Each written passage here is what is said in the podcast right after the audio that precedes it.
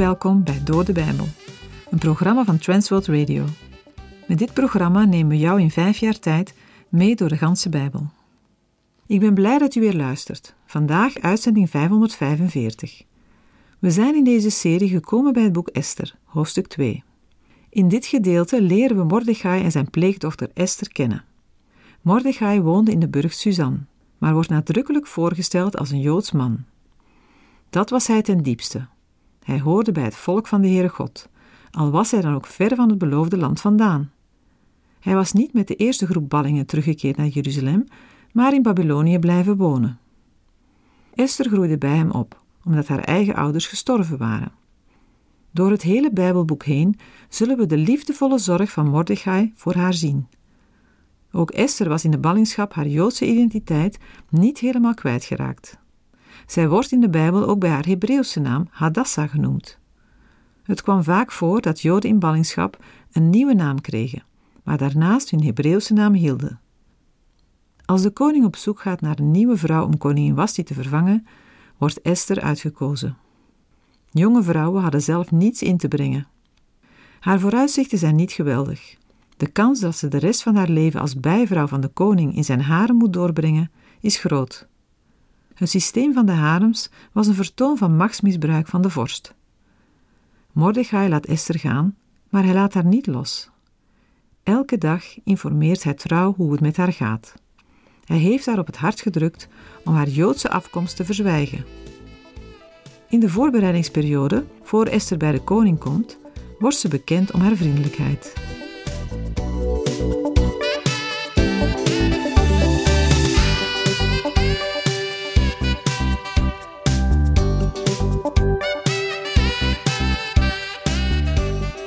In de vorige uitzending hebben we al verklapt dat Esther actief zal meedoen in het meedingen naar de kroon. Zij zal grote indruk maken. Esther 2, vers 16. En Esther werd meegenomen naar koning Ahasveros, naar zijn koninklijk huis in de tiende maand. Dat is de maand Tebet, in zijn zevende regeringsjaar. Deze datering plaatst de gebeurtenissen in de geschiedenis. De mensen hebben echt bestaan en geleefd, en de gebeurtenissen hebben ook werkelijk plaatsgevonden. De geschiedenis van Esther is geen verzonnen verhaal. Esther 2, vers 17. En de koning had Esther meer lief dan alle andere vrouwen. En zij verwierf bij hem meer genade en gunst dan alle andere meisjes. En hij zette de koninklijke diadeem op haar hoofd en maakte haar koningin in de plaats van Vasti. Ik weet niet hoe het met u zit, maar ik ben niet echt van de liefde van koning Ahasveros overtuigd. Hoe kan de koning nu meer van haar houden dan van alle andere meisjes? Na één nacht. Uiteraard gaat het alleen om oppervlakkige gevoelens van uiterlijke en seksuele bekoring.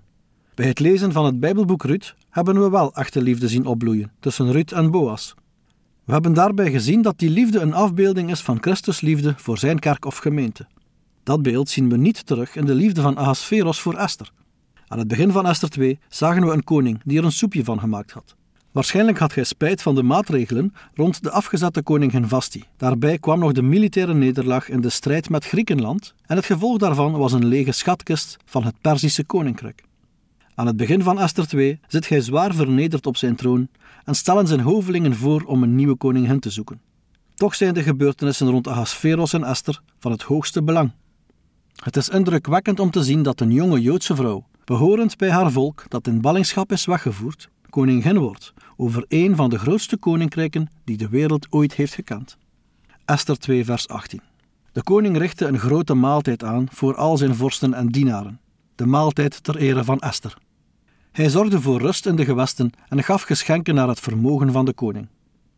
Esther's kroning tot koningin is opnieuw reden voor een koninklijk feest. Alle andere onderdanen van de koning worden ook bij het feest betrokken, doordat Ahasveros een rustdag geeft en met gulheid geschenken uitdeelt. De geschenken bestonden waarschijnlijk uit voedsel. Met dit vers eindigt het gedeelte over de verkiezing van een nieuwe koningin. Maar op dit punt in de geschiedenis weten we nog niet hoe het op lange termijn met Esther zal gaan. Bij deze geschiedenis komen ook verschillende vragen op. Vragen zoals: hoe is het mogelijk dat Esther, als Joods meisje, de heidense koning zo kon bekoren dat hij haar boven alle andere kandidaten verkoos en kroonde tot koningin? Of mocht zij wel meewerken aan een dergelijk huwelijk? Deze vraag wordt nog actueler tegen de achtergrond van Ezra's optreden in Jeruzalem tegen gemengde huwelijken. Zoals we in de vorige uitzendingen al aangaven, moeten we het antwoord op de gestelde vragen zoeken in de leiding van de Heer. De grond voor de verkiezing van Esther ligt in Gods voorzienigheid. In Esther 3 en 4 zal dat nog duidelijker naar voren komen. Voor mensen is Gods voorzienigheid niet altijd duidelijk herkenbaar. Vaak moeten we pas achteraf constateren dat de Heer alle dingen geleid en bestuurd heeft. In Esther 4, vers 14 vinden we er een voorbeeld van in de woorden van Mordechai.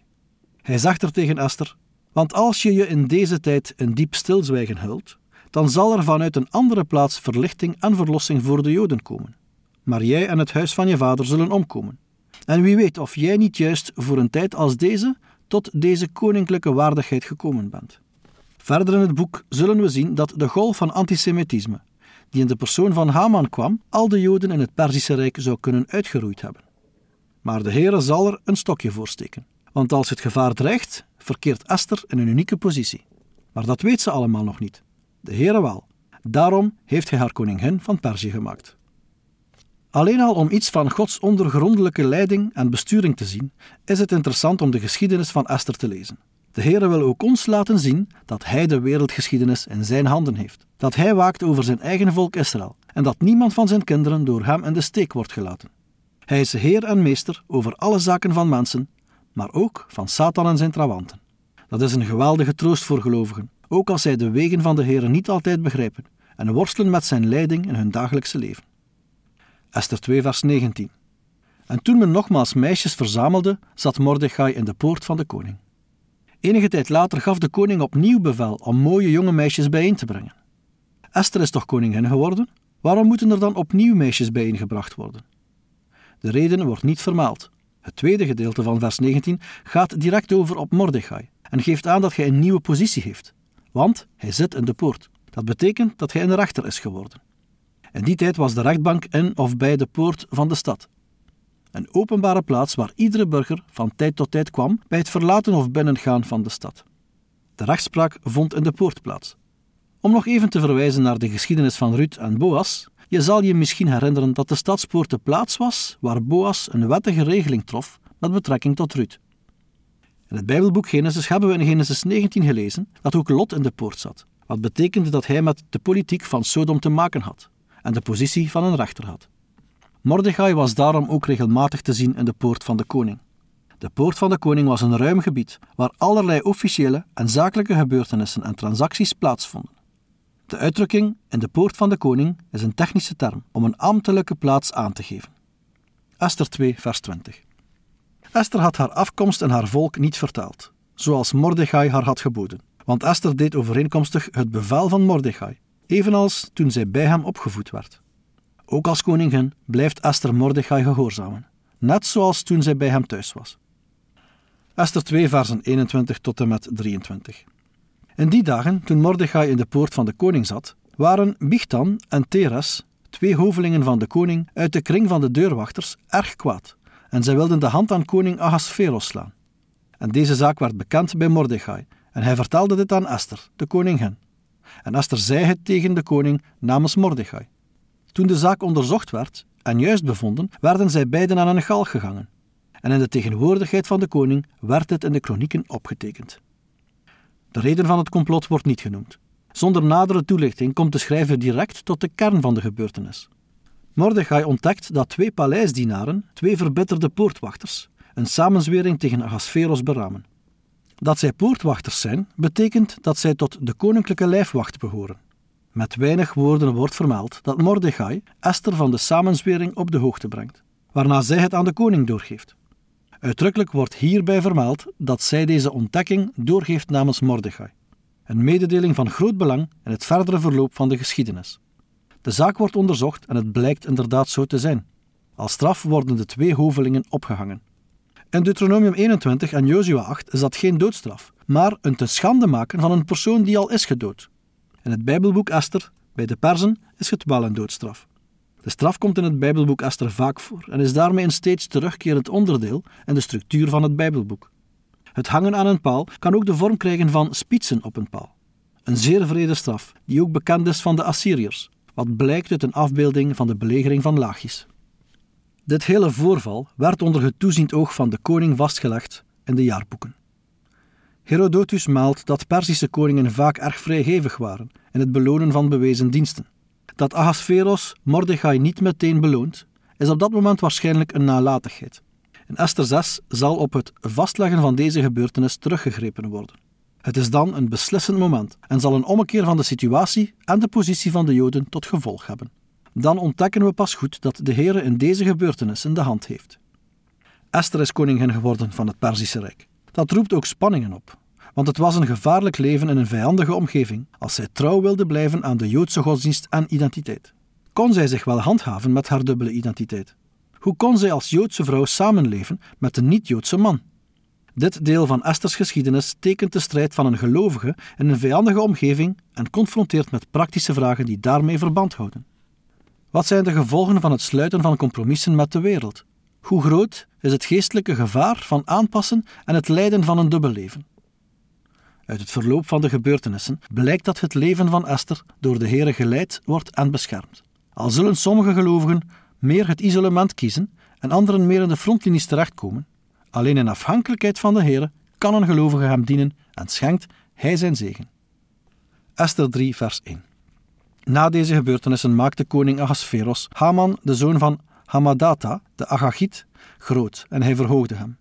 En hij plaatste zijn zetel boven al de vorsten die bij hem waren. Er wordt opnieuw een hoofdpersoon uit het Bijbelboek Esther geïntroduceerd. Esther 3 bestaat uit twee hoofddelen. Het eerste bevat de situatie waarin Haman de beslissing neemt alle Joden uit te roeien. Het tweede gaat over Hamans planning en handelen om zijn gruwelijke plan uit te voeren. Haman wordt aangesteld tot een soort van eerste minister en was na de koning de machtigste man van het rijk.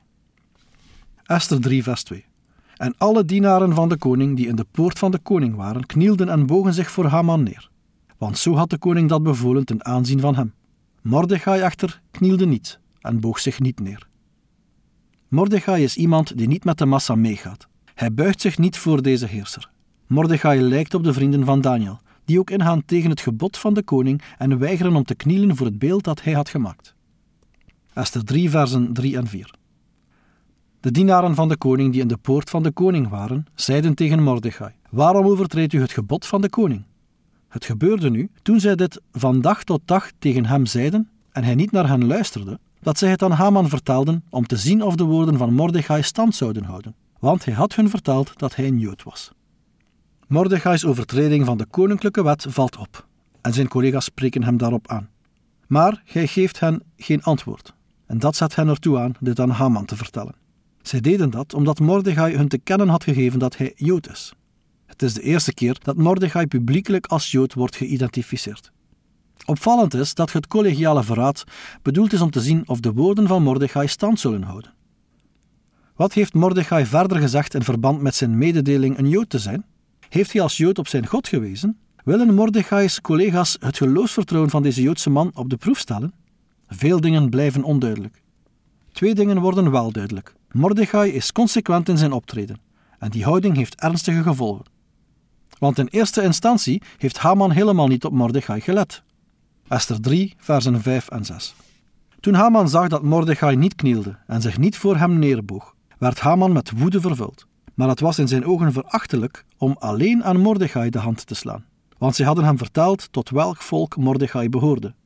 En Haman zocht een manier om alle Joden die in heel het koninkrijk van Ahasveros waren, het volk van Mordechai, weg te vagen.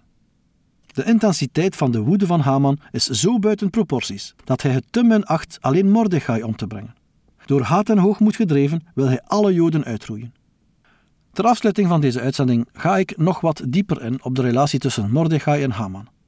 Haman wordt in het boek Esther viermaal de tegenstander van de Joden genoemd. Dit typeert hem meer dan dat hij de hater is van Mordechai. Was hij al bij zijn benoeming een grote tegenstander van het Joodse volk? Waarschijnlijk kenden Haman en Mordechai elkaar al voor de gebeurtenissen in het boek Esther. We weten niet welke factoren een rol hebben gespeeld dat Haman aan de macht is gekomen. Is daarbij Mordechai gepasseerd? Opvallend is dat na de val van Haman Mordechai zijn plaats inneemt en een machtig rijkskanselier wordt. De tien zonen van Haman hoorden volgens Esther 9 bij degenen die het doel hadden de Joden uit te roeien. Het hooggeplaatste gezin vormde hierin een eenheid en zal een leidende rol hebben gespeeld in het uitvoeren van het edict van Haman. Haman moeten we waarschijnlijk dan ook zien als de leider van een antisemitische partij die aan de macht is gekomen. Dan is ook de opstelling van Mordechai verklaarbaar, dat Esther aanvankelijk haar afkomst niet mocht vertellen. Hij zal problemen hebben verwacht bij deze bekendmaking. Verder valt Mordechai's gedrag om eerbetoon te weigeren aan Haman dan nog meer te begrijpen. Hetzelfde geldt voor de overdreven reactie van Haman zelf op de weigering van Mordechai en het streven het hele Joodse volk uit te roeien. Bij de viering van het Joodse Purimfeest wordt nog steeds aandacht gegeven aan de geschiedenis van Esther. Aan Purim gaat een vastendag vooraf. Deze vastendag begint in de ochtend en eindigt bij het donker. Dat is tijdens de avonddienst en de lezing van het boek Esther. Telkens als tijdens de voorlezing de naam Haman valt, wordt er lawaai gemaakt. De kinderen draaien met Haman-ratels. Daarmee wordt gevierd dat Haman niet heeft gezegevierd. Ook wordt een speciaal dankgebed tot God gebeden. Het herinnert aan wat de Joden hadden gedaan voordat Esther naar de Perzische koning toeging om hem te informeren over de plannen van Haman.